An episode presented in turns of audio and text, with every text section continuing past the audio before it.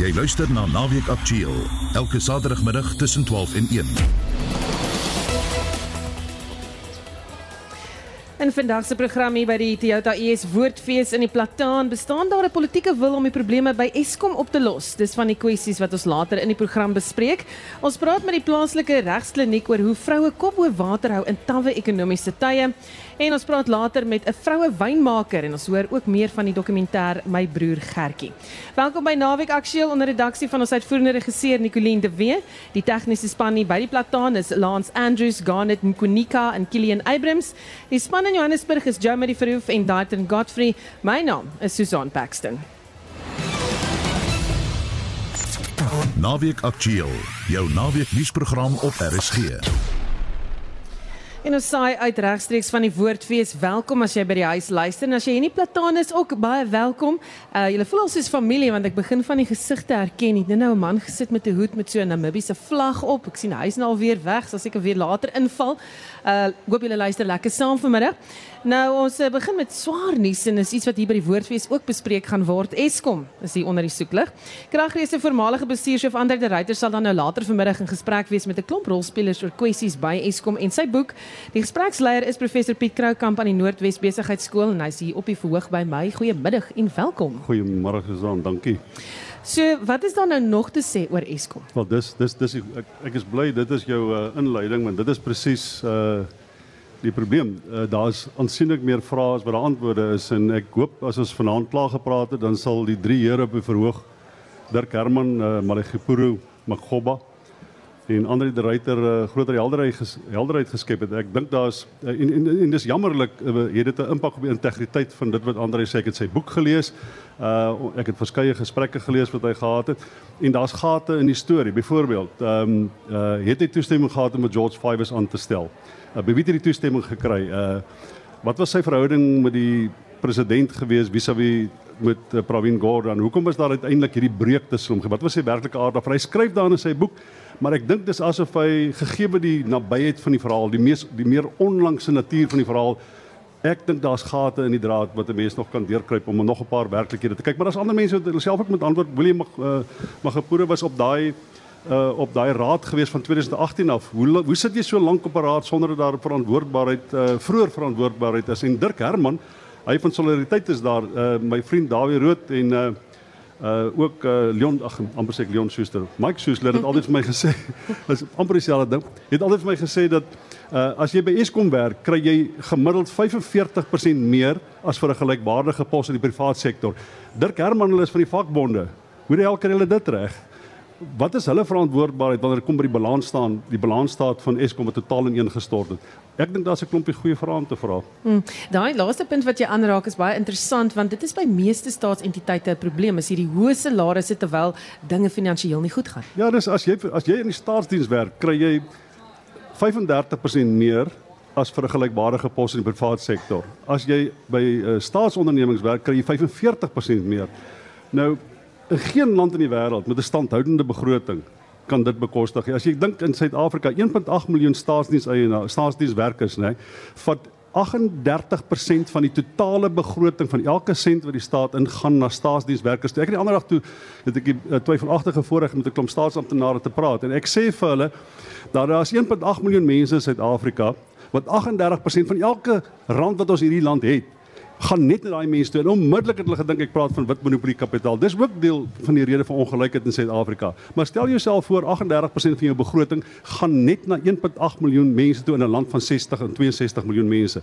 Dis disgraceful man groot somme wat jy maak. Uh, jy praat van uh, William en hy het in sy boek geskryf Pravin Gordhan, hy het hom gekritiseer en hy het gesê, jy weet, sy leierskapstyl is swak geweest en dat hy voorheen gewaarsku het en gesê dat Gordhan nie die regte mense is vir hierdie pos nie. Hy gaan hierdie entiteite in die grond in bestuur. Gaan jy hom daaroor vra? Jy het meer as 700 staatsondernemings in Suid-Afrika. Die laaste keer toe ek gekyk het, dink ek uh, Sandparke was uh, was winsgewend geweest. Dit's it. As jy aangestel is oor 700 staatsentiteite en nie een van hulle het 'n balans daar waarmee jy kan vrede maak. Dan moet ons op 'n stadium vra gevra het, hoe is dit moontlik dat hy termyn na termyn dien in daardie pos? Hy kom van tesourier af, so mense het hoë verwagtinge van hom. Hy kom van van die die finansiële bestuur kant van Suid-Afrika. Mense het hoë verwagtinge van van dat hy minstens die finansiële bestuur van hierdie ondernemings kan regkry. Hy sit nog steeds in daai pos en as jy die ryter se boek lees en as jy na ander mense wat met hom te doen het, dan die die mikrobestuur wat hy toepas ondermyn die waarskynlikheid dat hy die groot probleme kan oplos. En die vraag is is dit ideologies want op 'n of ander manier het hy soveel lojaliteit aan die ANC dat hy eenvoudig weier om ondernemings die moeilike besluite te neem. En dis een van Pravin Gordhan.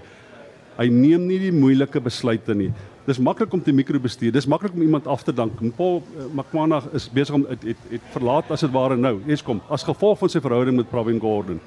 Pravin Gordhan het nog steeds nie die moeilike besluite geneem nie. Hmm. Dink jy die debat en die gesprekke oor Eskom is nog in die regte rigting? Vra ons nou nog die regte vrae, praat ons oor die regte goed? Nee. Ek ek ek ek, ek dink dit is so gemors dat wat vra jy nou regtig? Daar daar daar's soveel korrupsie, daar's soveel swak bestuur, daar's beleidsprobleme uh, wat daar bestaan. Ja, daar's ongelukkig en ek het 'n uh, akademiese artikel daaroor geskryf. Daar's ongelukkige klompie kontrakteurs wat in die informele ekonomie vaardig is wat toegelaat word om op die rug van swart ekonomiese bemagtiging in die waardeketting van die logistiek van steenkoolbedryf byvoorbeeld by Eskom te beland en dan daar binne te funksioneer. Die enigste manier om hulle self daar binne te handhaaf is om geweld te gebruik. Met ander woorde, omdat hulle nie deur risiko's te neem die die proses betree, die waardeketting betree nie en hulle nie die vermoë het om mededingend te wees in terme van die diens wat hulle moet lewer nie, supply chain in stand te hou nie, gebruik hulle geweld om hulle posisie daar binne te handhaaf. Ek dink daai tipe goed is dit is so 'n gekompliseerde saak. Ek dink nie ons ons die, ons het die die oortjies van die van die van die uh krokkenoster gesien nie. Ja, sy krokkenoster dink ek soos Eskom baie dankie. Dit was professor Piet Kroukamp van die Noordwes Universiteit se besigheidskool en ek vermoed as ek so na jou luister dat uh, die gesprek later baie opwindend gaan so. wees. Daar sê. Baie dankie dat jy hier was. Goed, dis geen geheim dat vroue swaar trek in tawwe ekonomiese tye nie en dat dit dikwels gepaard gaan met erge sosio-ekonomiese probleme. Tog is daar hulp in die vorm van instellings soos Universiteit Stellenbosch se regskliniek. Nou hier op die voor by my is 'n prokureur van die ES regskliniek, is Josie Parks. Goeiemôre Josie. Goeiemôre. Baie dankie. Ons is lekker naby aan daai mikrofoon. Ehm um, wat is die rol wat die ES regskliniek dan nou vervul? So die regskliniek is uiteindelik soos enige ander regsfirma, maar ons bied um, regshulp aan kwalifiserende persone op 'n gratis of soos ons sê pro bono basis. Um, ons help kliënte met die aansoek om beskermingsbevel, egskeidings wat bestrede en onbestrede is, aansoeke vir onderhoud en dan ook aangeleenthede waar die um kontak en toesig van minderjarige kinders um um die dispuut is. Sê vir my, hoe ervaar die regskliniek die sosio-ekonomiese omstandighede van kliënte, veral vroue?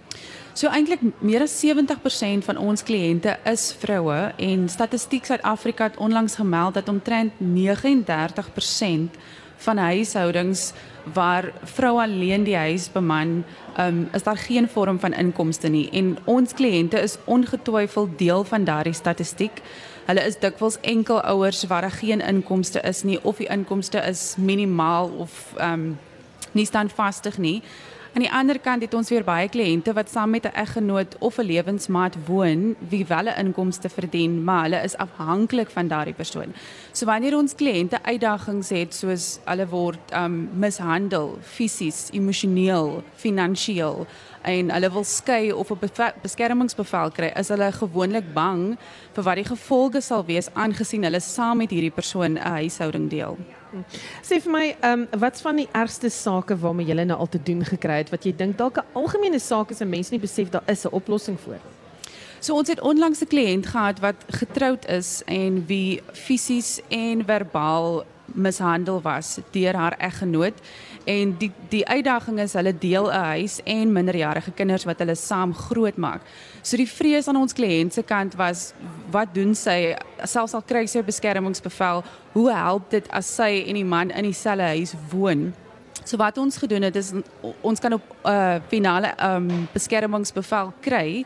Maar weer eens die uitdaging is hulle woon nog steeds in dieselfde huis. So wat ons in sulke gevalle doen is ons kry ook 'n lasbrief van arrestasie.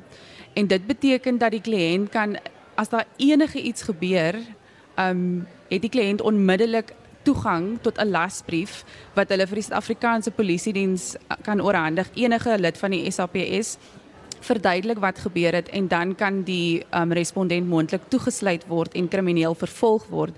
En dit beteken natuurlik dan dat die persoon vanuit die huishouding verwyder word. Hmm. So indien luisteraars hierdie tipe regshulp nodig het, hoe kan hulle met julle kontak maak? So ons ehm um, daar's verskillende maniere om kontak te maak met die regskliniek. Die eerste is om vir ons te skakel by 021 808 3600. Ons kan ook e-pos na rhk@admin.co.za of net 'n besoek aan ons kantoor. Dit is Crouzierstraat 18 tot 24. Ons sê dalk net weer daai nommer 0218083600, né? Dis korrek. Baie dankie. Dit was Josie Park se prokureur van Universiteit Stellenbosch se regskliniek. Dankie dat jy kom gesels met ons en ek dink dit is belangrik dat vroue weer daar is hulp daar buite, né? Definitief baie dankie. Goed. Kom ons gaan na landbou sake toe en die Agri SA jaarkongres is die afgelope naweek gehou en voedselsekerheid was een van die hoofbesprekingspunte. Ons praat nou met Janse Rabie van Agri SA oor hierdie kongres. Welkom Janse. Dankie Susan, lekker om hier te wees. Hoekom het hulle of het julle juis op die tema van voedselsekerheid besluit? Susan, voedselsekerheid word baie keer verkeerd beskou en ek dink daar's baie keer 'n eensidedige benadering rondom voedselsekerheid vanuit die oogpunt uit van die boer. En wat ons nou by hierdie kongres gedoen het van jaar en en is werklik 'n seisoen van verandering by Agri SA en landboubedryf in die algemeen. Dit was om meer indringend te kyk na wat voedselsekerheid werklik behels en 'n meer omvattende prentjie prentjie te kry wat vrae gevra het aan die landbousektor en dan ook vrae gevra het oor ons breë samelewing, ons ekonomiese toestand, die stand van van regering in Suid-Afrika. En ons het dit nou uitgebou om om 'n aantal temas wat wat individueel bespreek is en dan spesifiek kyk na hierdie kwessie van hoe Agri SA kyk na voedselsekerheid en hoe ons Suid-Afrikaanse samelewing kyk na voedselsekerheid in die algemeen en die in die belang van dit vir vir ons ekonomiese en sosiale behoud. Het ons voedselsekerheid hier? Susan in die landboukonteks gaan dit goed, maar voedselsekerheid het 'n aantal dimensies en en 'n mens moet nie uh bekostigbaarheid veral voor oë verloor nie. Ons is gelukkig in Suid-Afrika om, om om voedsel te produseer vir ons samelewing onder geweldige druk en onder geweldige moeilike omstandighede, maar daar's ook 'n kant wat mense baie keer miskyk en dis die vermoë om voedsel te kan koop. Ons weet daar's geweldige voedselinflasie en ons weet daar's daar's moeilikheid wat daai daai deel van die waardeketting en deel daai deel van die van die hele bedryf en die en die ekonomiese toestand betref en en daar moet ons uh, ernstige vrae vra. In die algemeen gaan dit regter goed met landbou. Hmm. So wat bedreig ons voedselsekerheid hier op eie bodem? Daar's 'n hele aantal faktore. Ek dink die ons leef natuurlik in 'n in 'n in 'n droë land met geweldige uitdagings wat klimaat en en uh landbouproduksie uh vermoë aanbetref.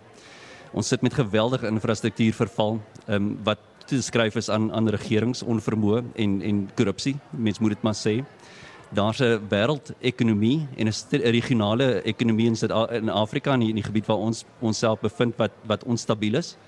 Ehm um, die gebeure in Rusland en die Oekraïne het natuurlik dit uitgewys. Dit wat ons sien nou in Israel plaasvind is is ook deel daarvan en ons is deel van 'n wêreldprentjie wat nie voor oor uh, verloor moet word nie en ons is in 'n onstuimige tyd. Dit moet gesê word. Hmm. Dan is julle ook onder nuwe leierskap. Christo wat afgetree het. Uh waantoe vaar die skip nou? Ja, dis 'n dis inderdaad 'n seisoen van verandering en dis altyd ehm um, is altyd goed. Ek dink Agresa is besonder demokraties wat dit dan betref. Elke jaar kies ons nuwe boereleierskap. En wat ons nou beleef na ehm um, na 8 jaar in diens by Agresa het Christo van der Rede uitgetree as hoofuitvoerende beampte. Ehm um, Christo het baie diep spore gelaat, getrap binne die landboubedryf en en ek dink in in sy beeld en sy uh, sy ambassadeurskap vir vir landbou in Suid-Afrika. Ons het nou 'n nuwe hoofuitvoerende beampte, Johan Kutse. 'n um, 'n man met met geweldige ervaring in die in die landboubedryf, uh finansiëel sowel as in sy sy vorige hoedanigheid by een van ons bedryfsafiliale. En ons sien baie uit na dit. Dis 'n dis inderdaad 'n seisoen van verandering en ek dink dit wat Johan gesê het um, met sy openingsrede was um, was baie bemoedigend geweest en ons sien baie uit na sy sy leierskap. Hmm. Jy is dan ook lid van die presidensiële klimaatskommissie en ek moet jou nou nou vra, jy weet, dis uh, iets wat voedselsekerheid ook gaan bedreig is klimaatsverandering uiteindelik. Wat is die president se plan? Susan, dit is 'n goeie vraag. Ehm um, ons gaan juis nou weer in November gaan ons Dubai toe vir die uh, COP 28 die vergadering van die van die nasies as mense dit so kan sê rondom om klimaatsverandering aan te praat. Ek wonder oor die plan. Ehm um, Die groot plan gaan eintlik oor Eskom en die onvermoë van ons rondom energie en die omskakeling van 'n steenkoolgebaseerde energievoorsienings en lewerings ehm um, model na hernubaar. Maar ons sit met 'n met 'n kabinet en lede van die president se binnekring wat wat openlik daardie bewegings eintlik weerspreek en dit maak ons bekommerd. Daar's 'n geleentheid en hulle sê soos ehm um, die geleentheid van 'n leeftyd moet in die leeftyd van die geleentheid uitgeoefen word en en en ek weet nie of ons daar is nie. Sê gou daardie weer. Janse baie dankie. Sterkte met hierdie nuwe paadjie waarop jy gaan en wat jy doen vir landbou. Janse Rabie van Agri SA. Nou die landbouorganisasie SAI het verskeie projekte wat uh, op die opweffing van gemeenskappe fokus. Hulle lei tans plaaswerkers in die provinsie van Limpopo, die Vrystaat en Noordwes op as brandbestryders. En ons praat nou met Bernard Pieterse wat uh, gemeenskapsprojekte vir SAI lei. Goeiemiddag, welkom hier. Goeiemiddag, baie dankie vir die geleentheid. Bernard, vertel ons van hierdie brandbestrydingsopleidingsprojek. Waar het hierdie idee vandaan gekom? Wel, soos die vorige sprekers ook nou reeds genoem het, het Suid-Afrika baie uitdagings as dit kom by infrastruktuur en ook institusioneel. Nou, waar dit belangrik is om natuurlik hierdie 'n groot klok te hang en dit aan te spreek, dieselfde daarmee moet jy ook werk aan oplossings. En dit is wat SAI nie net 'n Unima, nie Unimaak nie, maar 'n landbou-netwerkorganisasie waar ons met die beste mense in hulle velde mee netwerkvennootskappe kan sluit of dit nou is soos byvoorbeeld met um, brandbestryding of as dit nou is by Sakeliga of by Instituut vir Rasseverhoudinge of Afriforum met veiligheid en met daai bou of struktuur van ons het ons die geleentheid gehad om met die Sinnewil brandbestrydingsvereniging hande te kon neem om hierdie saak prakties aan te spreek. So die Sinnewil brandbestrydingsvereniging is by oomblik die grootste een in Suid-Afrika en hulle het 5 beurse beskikbaar gestel aan ons organisasie om soos jy gesê het plaaswerkers en hulle kinders op te lei in brandbestryding in hulle omgewings. Mm, ons gesien ons groot brande by Noordwes en Vrystaat hierdie jaar. Uh, hoeveel mense het julle al met hierdie projek opgelei? Op die oomblik het ons 5 wat ons begin met ons lootsingsprojek en dit is 'n kursus van R52000 per persoon. Jy woon dit in persoon by. Dit is baie baie harde werk om by te woon. So dit is gewoonlik 'n jong sterk persoon wat inskryf hierdie. Dit is nie 'n aanlyn kursus nie. En dit duur 21 weke wat 11 kursusse insluit. En hoe gaan julle hierdie projek verder uitbrei? Met die doel na hierdie vyf persone opgelei is en hulle ontplooi word in hulle omgewings, wil ons die sukses van hierdie projek bewys om te kyk dat ons kan befondsing kry om nog persone op te lei, nog mense in te trek by hierdie struktuur en miskien ander brandbestrydingsverenigings oor ander in ander dele van die land ook in te trek in 'n soortgelyke vennootskap soos wat ons op die oomblik het met Sinnewil brandbestrydingsvereniging. En dan ander projekte?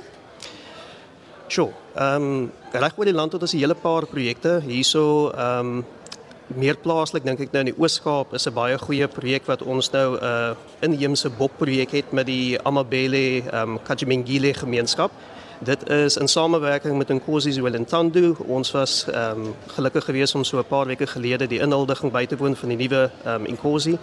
En daarso het ons 'n projek geloos saam met die plaaslike gemeenskap, soos ons gesê het, ons is vir familieboere of dit nou groot of klein kommersieel of bestaan is waar ons nou met hulle hande neem om hierdie projek verder te vat en na 'n groter skaal verder te vat. Ons sê baie dankie. Dit was Bernard Pieterse van Science. Soos julle kan hoor, is die landbouorganisasies ontsaglik besig met 'n klomp dinge en uh dankie dat julle hier was om met ons te gesels daaroor julle. Goed, woorde open wêrelde oftewel wow, 'n bemagtigingsprojek van die Toyota ES Woordfees vier vanjaar sy 20ste bestaanjaar en die projek verryk jong lewens en ontsluit wêrelde wat hulle gedink het ontoeganklik is. Nou ons praat nou met die projekbestuurder Fiona van Kerwel oor al die moontlikhede wat jong vlerke vleuels gee. Klink so pragtig. Fiona, welkom. Baie dankie so. So waar het alles begin en het jy ooit kon dink die projek sou so 'n reuse tree kon gee? Ag ek ek, ek dink ehm um, nee, maar ons is so opgewonde oor dit alles en om eerlik te wees ons het baie klein begin uh, in uh, departement Afrikaans en Nederlands destyds in die fakulteit toe was ons nog lettere en wysbegeerte en daai het Prof Nikotse en Dorothea van Sail koppe bymekaar gesit en ons woorde open wêrelde projek was gestig destyds met drie klein projekaksies vandag het ons vyf fokusse en meer as 27 projekaksies wat ons besig hou en ons wil inderdaad perspektiewe verruim en leerders vlerke gee. Nou sê vir my, wat was van die grootste uitdagings oor die afgelope 2 dekades? Jo, dit sal maar altyd dinge wees soos befondsing en kapasiteit en uh, maar uh, ons is 'n klein span, maar ons het wonderlike vennote en uh, vrywilligers wat regtig hierdie projek in letterlik en figuurlike betekenis vlerke gee. Vertel 'n bietjie van hierdie suksesverhale van julle. Um oor die afgelope 20 jaar is dit net wonderlik om terug te kyk en te sien wat watter moontlikhede ons geskep het en watter geleenthede ons kon bied. So, ons het nou vanoggend ons wow dag vir onderwysers gehad en in die groep onderwysers wat ons besoek vandag van meer as 36 skole, was daar omtrent 7 wow afgestudeerde studente wat nou onderwysers is. En dit is vir ons reeds genoeg want ek het eintlik vir hulle gespot en gesê, julle dra nie nou meer die T-hempie nie, julle dra nou die pakklere. Hmm, dis mooi gestel. Sê vir my nou, wat hou die toekoms in? Um om nog steeds vele moontlikhede vir mense te skep, om nog steeds baie uh, vir mense te wys dat jou woorde vir jou inderdaad wêrelde te kan oopmaak en om net in nie noodwendig altyd in ons uh kwantiteit uit te brei nie, maar definitief in ons kwaliteit en daar te verseker dat elke geleentheid wat iemand beleef inderdaad 'n wow geleentheid is. En dan vinnig, vertel ons gou van daardie 'n boek van jou Leë blikkies vol liefde en ander verhale wat gepubliseer is. Okay, Leë blikkies vir liefde is 'n absolute fantastiese boek. Dit is 'n kortverhaalbundel uh met 9 19 kortverhale. Dit is so van pas vir enige Afrikaans sprekende kind wat in 'n klas sit en wat net 'n slaggie lekker teks wil hê. Um ons het wonderlike skrywers, hulle het regtig die boek geskryf op die vlak van die kind en dan is daar wonderlike um, opvoedkundige aktiwiteite wat onderwysers kan gebruik en is inderdaad 'n boek om op jou rak te hê. Fantasties, baie dankie. Dis definitief wat die onderwys kort en dan nog mense soos jy wat so besig is en nog tyd maak vir nog dinge. Baie dankie. En mag ek net sê hallo en welkom vir al ons wow mense wat hier op hierdie woordfees is al van verlede week af. Hulle moet dit geniet. Vanaand by Joel and Jive. Dankie. Dit was vir jou nou van Kerwel, projekbestuurder van die Woorde Open Wêrelde oftewel WOW verbonde aan Universiteit Stellenbosch. Elroy van Heerden en ons praat nog teks. Elroy van Heerden Mei is dit 'n reistydskrif Inbound SA begin wat die eerste week van November by Suid-Afrikaanse lughawens sal verskyn. Van Heerden Mei is oorspronklik van Pella in die Noord-Kaap en het reeds 9 publikasies op sy kerstok en hy praat nou met ons. Elroy, welkom. Goeiemôre Susan. Sê vir my in 'n era waar gedrukte publikasies een vir een gerelateerde sluit, wat het jou aangespoor om voort te gaan? Ehm um, wel Susan, ehm um, gedurende die ehm um, COVID pandemie ehm um, het dit maar vir ons almal in 'n 'n paniek omstandighede geplaas maar ehm um, ek het maar stil gaan sit en gedink dit kan dalk nog 'n geleentheid vir ons wees en wat ek gesien het is rakspasie. En dinge het so verander ehm um, gedurende daai tyd dat dit een van ons beste jare in die 13 jaar wat ons publiseer ehm um, in in in terme van jy weet ons opbrengste en almal daai. Ehm um, so dit was 'n baie goeie jaar 2021 vir ons. Ehm um, so ons het van byvoorbeeld van ons publikasie spesifiek een wat ons 'n uh, 3 keer 'n jaar geprint het, het ons gegaan na kwartaalliks. Ehm um, ons het ook ehm um, die die die size van die publikasie verbeter en alles het net goed gegaan en uh, met ons distribusiemaatskappy op daardie stadium het ons um, rakspasie gekry en ons ehm um, retail verkope het verbeter en ons was daar vir ons kliënte gedurende daai tyd ons ons ons ehm um, kliënte ons adverteerders byvoorbeeld ehm um, het ons van hulle spesifiek een van ons publikasies wat ook ehm um, in die in die in die uh, toerismebedryf is ehm um, een spesifieke uitgawe gebruik en wat ons vir almal gratis eh, 'n uh, blootstelling gegee het. Wat is jou wenresep? Hardwerk, strategie en ehm um, maak dit werk. Ehm um, konstant ehm um, jy weet uh, wat ek byvoorbeeld doen Susan is ek analiseer alles. Ehm um, waar ek gaan op die internet en alles wat ek aan werk probeer ek ehm um, kyk as 'n geleentheid.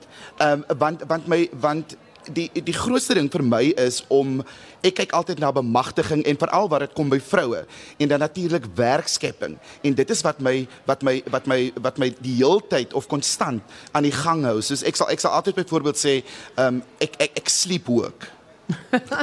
Sleep ook. Ja. Ek bedoel jy rus nooit nie. Ek rus definitief nooit nie. Want jy het as 'n jong kannetjie uit Pella in Noord-Kaap al groot drome gehad reg Ja, ja, definitief. Ehm um, en ek dink een van die mees opwindendste tye was ek ek ek dink ek was maar maar, maar nog altyd daai klein besigheidsmannetjie. Ehm um, maar die mees opwindendste was vir my toe my ma en my pa in 1996 'n uh, pakket gevat het. Ehm um, dit was toe die eerste pakket 'n uh, 'n uh, pakkette uitgekom het uh, vir die onderwysers. Hulle was albei onderwysers. Ehm um, en hulle het toe 'n huiswinkeltjie begin en dit is waar ek dink waar die magic begin het, uh, want ek het gevoel soos 'n baas in my eie spasie. Nou baie dankie, baie sterkte. Ek sien dat jy ons jou naam weer gaan sien in groot ligte en tydskrifname en uh, ja, dit publikasies voortbou. Ons hoop so Susan. Baie dankie Elroy van Heerden Meys het binnekort 'n nuwe reispublikasie Inbound SA die lig gaan laat sien. Jy al gehoor van Rymklets Kabaret? Ja, musiekgroep Tribal Echo verskaf 'n unieke musiekteaterervaring in Afri Afrikaans en Kugoba. Ek hoop ek spreek dit reg uit, Freyser. Dis Kwekwe Govap. Dankie, dankie daarvoor. Nou soos jy gehoor het Fraser Barry wat hier by die Woordfees is, hy is die voorsanger van hierdie groep of voorkletser. Ek's nie seker hoe gaan ek jou beskryf nie. maar jy is ook die aanbieder van Rymklets sonder grense hier by RSG. Welkom. Dankie Susan, dankie luisteraars. Dis lekker om hier te wees. So wat is Rymklets kabaret? Dit is basies Rymklets se se vorm is amper dieselfde soos kabaret en dit was net 'n Hulle was lekker pasmaats. Hulle hulle het lekker saam gegaan. Ek dink daar's 'n uh, fantastiese uh protes in Rymklets. Sê dit gewoonlik soos jy dit wil sê en en kabaret breek ook mos nou daardie vierde muur net soos Rymklets af. En dit is basies hulle is bedmaats nou. So ons gaan nou sien wat kom alles hier uit. Jy doen baie werk om Rym Rymklets uh, Rymklets eerder op te hef. Hoekom is dit so belangrik? Weet jy daar is net soos die rock and roll tyd toe die jong ladies in garages almal bands gemaak het en nou begin dit en ons die Karen Zoids gekry het uh, is dan nou 'n oplewing in Rymklets as 'n as 'n vorm onder die onder die jong mense. En 'n mens vergeet baie keer hoe belangrik hierdie uitlaatklep is en dit het dit het um, groot waarde dink uh, sielkundig het het dit vir hulle groot waarde want daar's 'n betekenis en uh, jy vat jouself met woorde van vanaf die grond tot op 'n bergtop, jy weet, daar's baie krag in dit en uh omdat dit 'n goeie uitlaatklep is, maar ook omdat dit subkultureel so sterk is en dit is ek kan maar sê uh uh met met digkuns, dit is 'n verhewe vorm van digkuns waar die digter daai 700 of 800 woorde in een asem na vore kan bring. So dit is 'n groot en 'n hoë vaardigheid en ek dink 'n mens moet dit nie onderskat nie en dan vertel die rymkletsers uh, is trots omdat hulle die hele tyd oorspronklike musiek maak, oorspronklike lirieke en hulle dokumenteer hulle omgewing. Ja. Ja, so dis 'n belangrike uh, kunsvorm sal ek sê. Wat sing jy vir ons? Ek sing vir ons sout van dieselfde traan.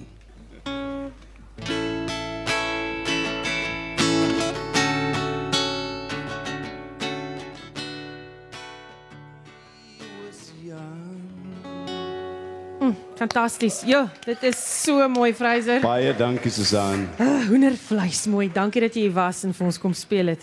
Al die moeite in een liedjie en is net absoluut fantasties. Dit was die voorsanger van die musiekgroep Tribal Echo, Freyser Barry. En Shaun Joos is sluit nou by ons aan vir die jongste sportnuus. Goeiemiddag Shaun.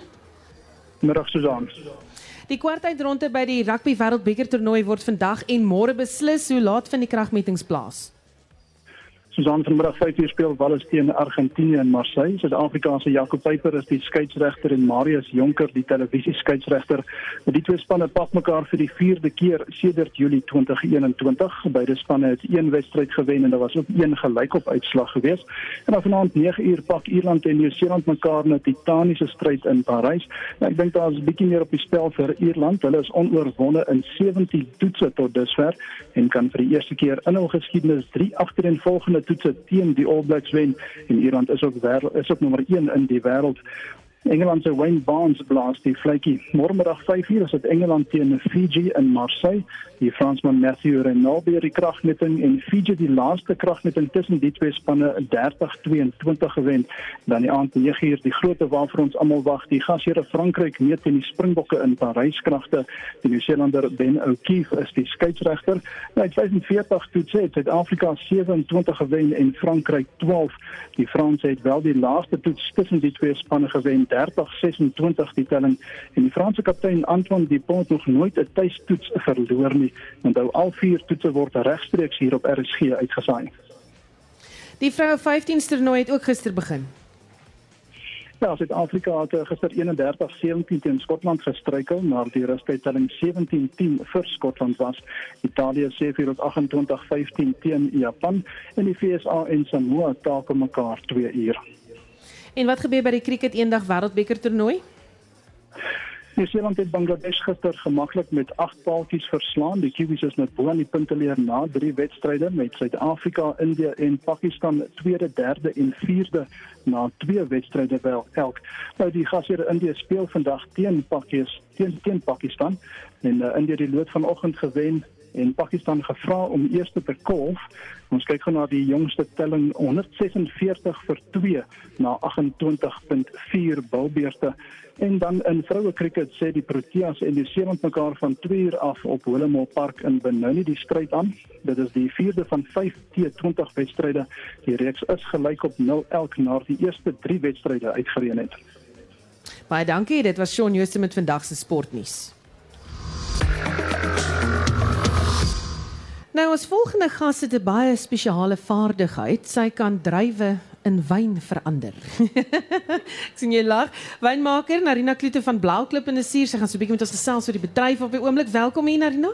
Baie dankie om hier te wees. Lekker om hier te wees. Ja, ekskuus my stem is bietjie krakerig. Lyk like my laryngitis hierso. Later wil ek tips hê om dit te bekamp van julle wat baie Ja, nee, ons het vir jou, ons sal vir jou daar 'n paar wenke kan gee daarvoor as jy vir ons 'n paar wenke gee.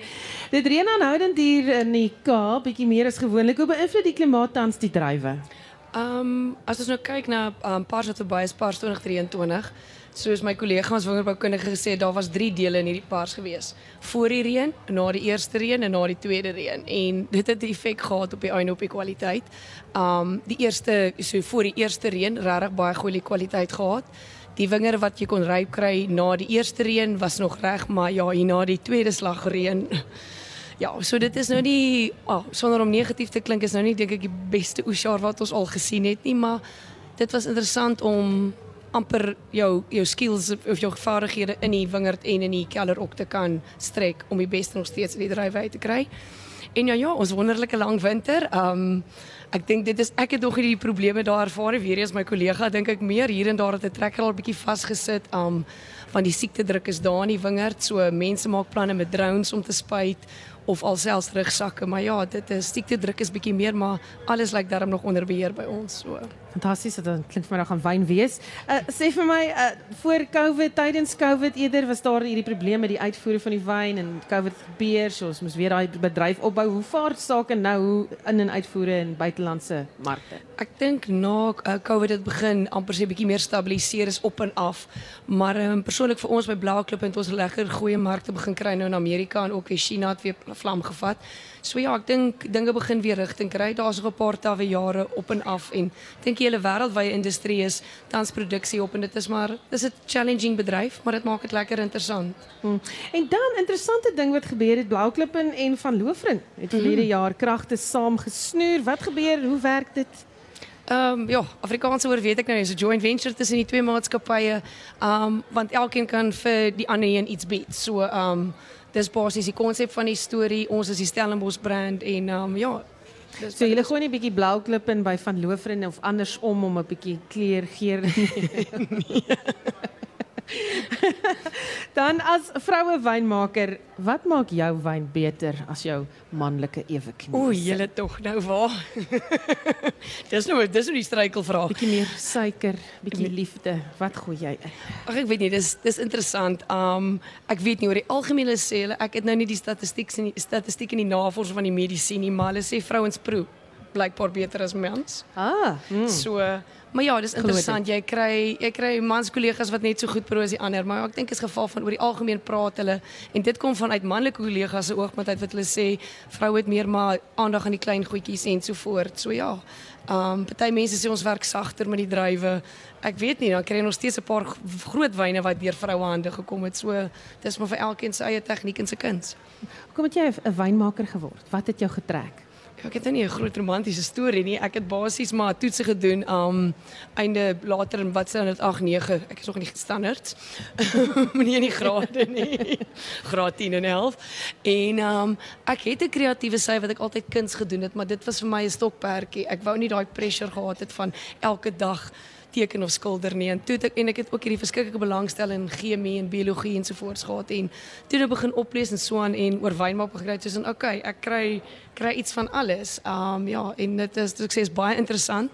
Soms is ek meganies en nog ingenieurswese al toegepas met 'n met 'n met 'n elektriesien oor die foon as 'n masjinerie gebreek het en die drywe hoop op so.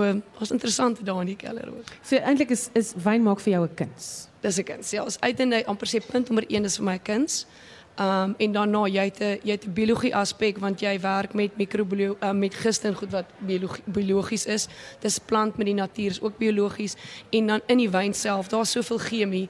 Ek het hierdie afgelope week ook net weer so 'n bietjie vingers weer die um basiese goed gegaan met ons um tasting room personeel en daai basiese goed van die chemie en dan begin jy te praat van soos 'n ja, daar's baie in wyn en jy, geen een wyn is dieselfde nie. Ek en jy kan presies dieselfde resep volg in aanhalingstekens, die wyn gaan dieselfde uitkom nie. Baie baie dankie dat jy hier was tyd gemaak het vir ons. Ek weet dit is 'n besige tyd, moeilik om die druiwe alles reg te kry. Uh, Narina Kloete, wynmaker van Blauklippen. Baie dankie, lekker om hier te wees het. Goed.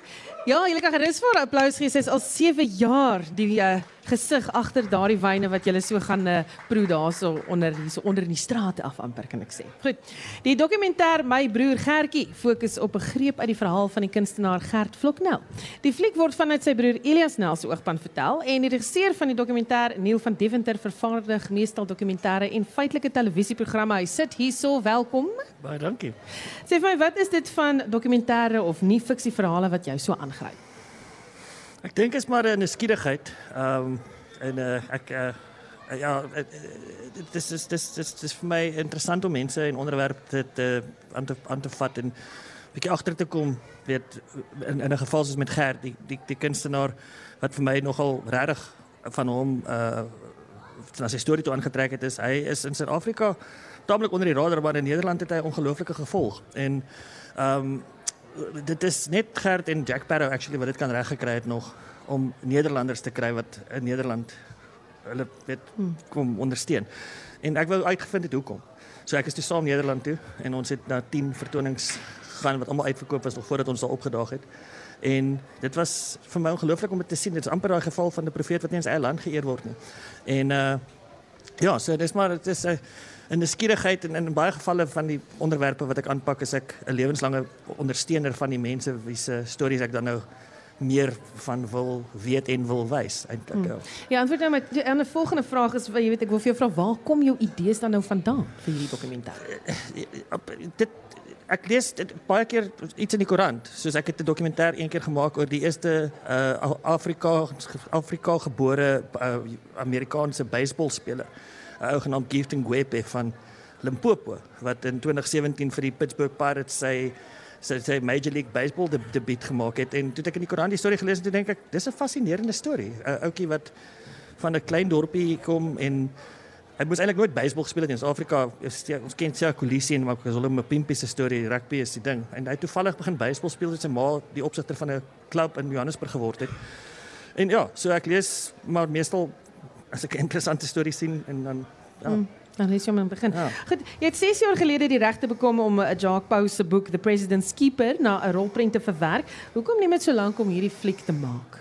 dit is eintlik 'n drama reeks wat gaan strek oor minstens 3 seisoene. Ehm um, en ons het met 'n uh, groot opgewondenheid weggespring en toe het 'n uh, paar kwessies. COVID was een, maar politiek is 'n moeilike uh ouetjie om te tackle in ons land veral.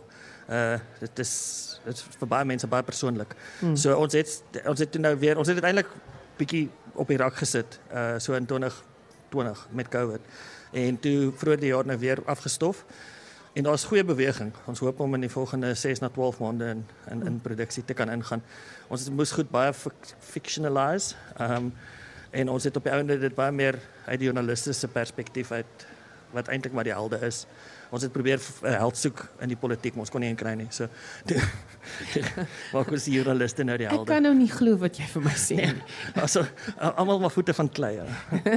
ek ek wil vir jou vra weer uh, oor hierdie uh, is dit is dit staan dalk druk van buite af, is dit moeilik want dis 'n baie swaar sensitiewe tema. Ja, nee, daar's baie druk van buite af. Ehm um, uitsaaiers wat aanvanklik Dis interessant. Ons het twee keer met uitsaaiers tot tot op 'n vlak gekom en as dit bietjie hoër gaan dan hulle is kan nie betrokke raak nie. Ehm um, ek dink in Suid-Afrika is mense baie gevoelig om op tone te trap. Ehm um, om verskeie redes, maar ek dink ons is bang vir befondse wat afgesny word en sulke goeder so dit is moeiliker, maar ek voel dis 'n baie belangrike storie om te vertel en ek dink uh dis 'n fascinerende storie. Ons hoef nie ons het letterlik van die goed net oorgeskryf soos dit gebeur het en dan pitch jy dit en dan sê mense is hier is 'n bietjie dik vir 'n daalder dan soos soos dit het gebeur.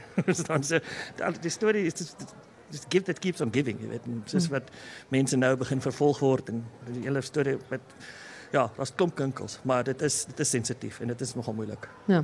Het jy 'n teiken datum? Nee, ek is bang om ek het al gehad en skryf dit nie altyd so. Nee. Iewers. Goed, ek, ek dink jy voel nou so effe wat Jacques voel as hy so hierdie boeke skryf en al hierdie dinge daal op hom neer.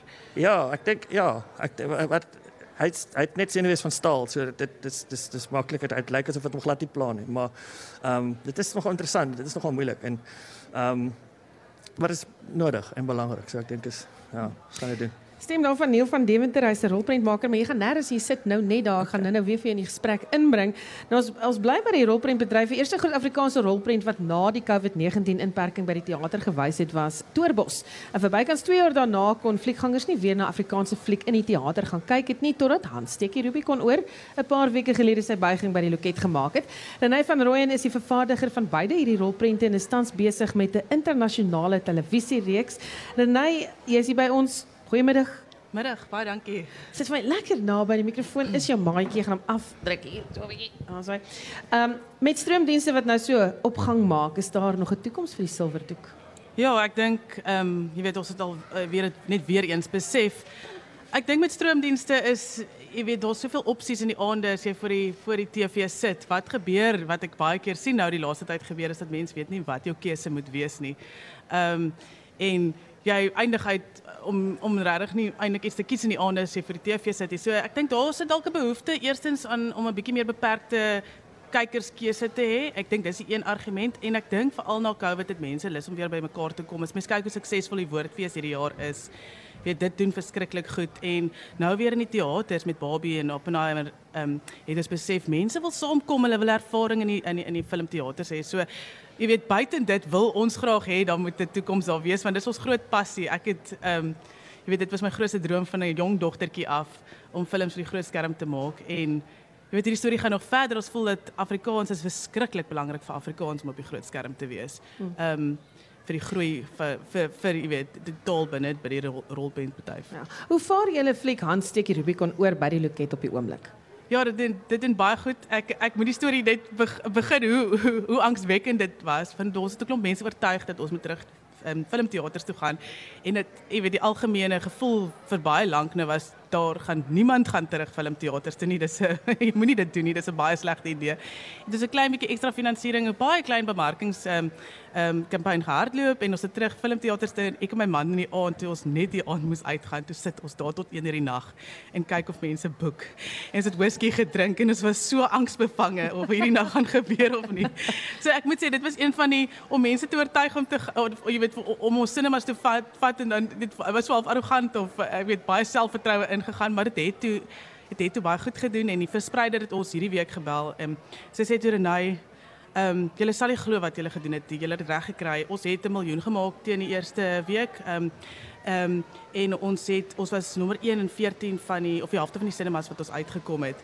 Dit is nog glad nie waar dit was met COVID nie, maar ons groot behoefte en liefde is net dat, om ander filmmakers weer en jy weet die groot kanale en finansiëerders aan te moedig om te sê kom ons kry Afrikaans op die groot skerm. Dis dit dit kan nie is net goed doen. Sê vir die Hollywood staking van skrywers en akteurs het die internasionale rolprent en televisiebedryf amper tot stilstand gedwing. Hoe beïnvloed dit julle produksies hier in die Kaap?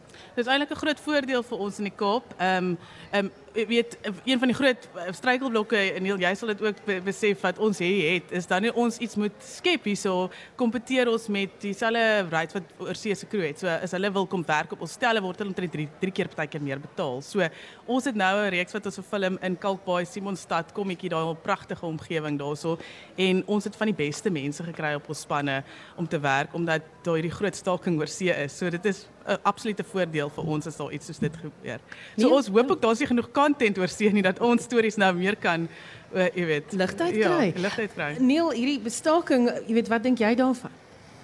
Ja, dit is 'n moeilike ding want ek bedoel ek dink die groot een van die groot redes is is die, die koms van kunsmatige uh AI wat het, Ja, kunsmatige intelligensie, Ja, ja. en uh, jy kan nie jy kan nie tegnologie stop nie en om te staak daaroor ek, ek verstaan die redes agter dit en dit dit het 'n verlammende dit het 'n 'n- 'n groot knock-on effek. Uh weet uh, uh en ek het ja, ek het heelwat vriende wat in in die Kaap in die bedryf hulle brood en botter is internasionale produksies. Maar is soos Renée sê, daarom dit dit ja, ek, ek dink dit is eintlik half voordelig vir mense soos hulle want dit is ons het regtig waar fantastiese mense uh wat wat hulle hulle brood en botter op die internasionale vlakke Ja. verdien en nou bring hulle daai kuns na na plaaslike produksies toe so. Ja, van ons het ons het laas jaar op 'n groot internasionale wat ek 'n regie opgedoen het en ek het die span van daai projek oorgebring op hierdie een wat plaaslik is. Ek sou dit nooit kon doen andersins nie. Sê vir my, gebruik julle al kunsmatige intelligensie wanneer julle films maak? Renée, miskien kan jy daar begin. Ehm um, die kunstdepartemente doen dit. Ek het so gelag nou die dag het hulle een van ons akteurs se gesigte, hy moet 'n surfer wees en op een van hierdie plakate geplaas en dit en 'n kunsmatige intelligensie doen dit net. Ehm um, so ja in in daai is al foto's en sulke goed is, maar ehm um, nie eintlik nie. Dit is self met skryf het ek nou al 'n paar toetse gedoen, kan hulle draaiboeke skryf, maar dit is baie klise en is Ja. voorspelbaar en is verskriklik soetsappig. So ek ek ek sal dit nie voorstel nie. Soetsappig wat die kunsmatige intelligensie uitdink. Ja, dit sal beter raak. Ehm um, en ons sal definitief in die toekoms films sien wat totaal en al deur AI gemaak is. Maar ek dink dit sal nooit regtig so reus. Dit is baie soos toe die TV gekom het en mense gedink radio gaan doodgaan en dit het nie. Jy weet en ek dink mense gaan kyk nog steeds opera. So hulle gaan nog steeds hopelik oor 100 jaar wil movies gaan kyk in die teater wat deur mense gemaak is. Weet, Hmm. Maar mens sou mens kan positief daarna kyk. Jy is nie bang dit gaan julle werk steel of toemaak nie. Nee, wat? Nee, ek ek dink nie. Ek dink werk hoe meer autentiek werk is, hoe meer dit van 'n siel en 'n menslike hart afkom, Precies. gaan Maar ek dink gaan ek dink daar's mense aanhaal. in ander beroepe wat wat baie meer die gevaar loop dat hulle weet uh, sekere goed soos die wet is gra- swart of wit en 'n rekenaar kan dit vir jou baie beter dit noodwendig sê as 'n mens dalk. Selfs 'n uh, weet wat narkotiseer, of weet 'n rekenaar kan jou dalk beter monitor as 'n mens. Maar met met kuns en met films is tot op 'n punt kan jy iets programmeer om iets te doen en dan is daar net daai kuns wat ja, ek dink autentiek en autentiekheid Ja. wat mens Jy het nou gepraat dit kom uit die hart uit. ja. Ja.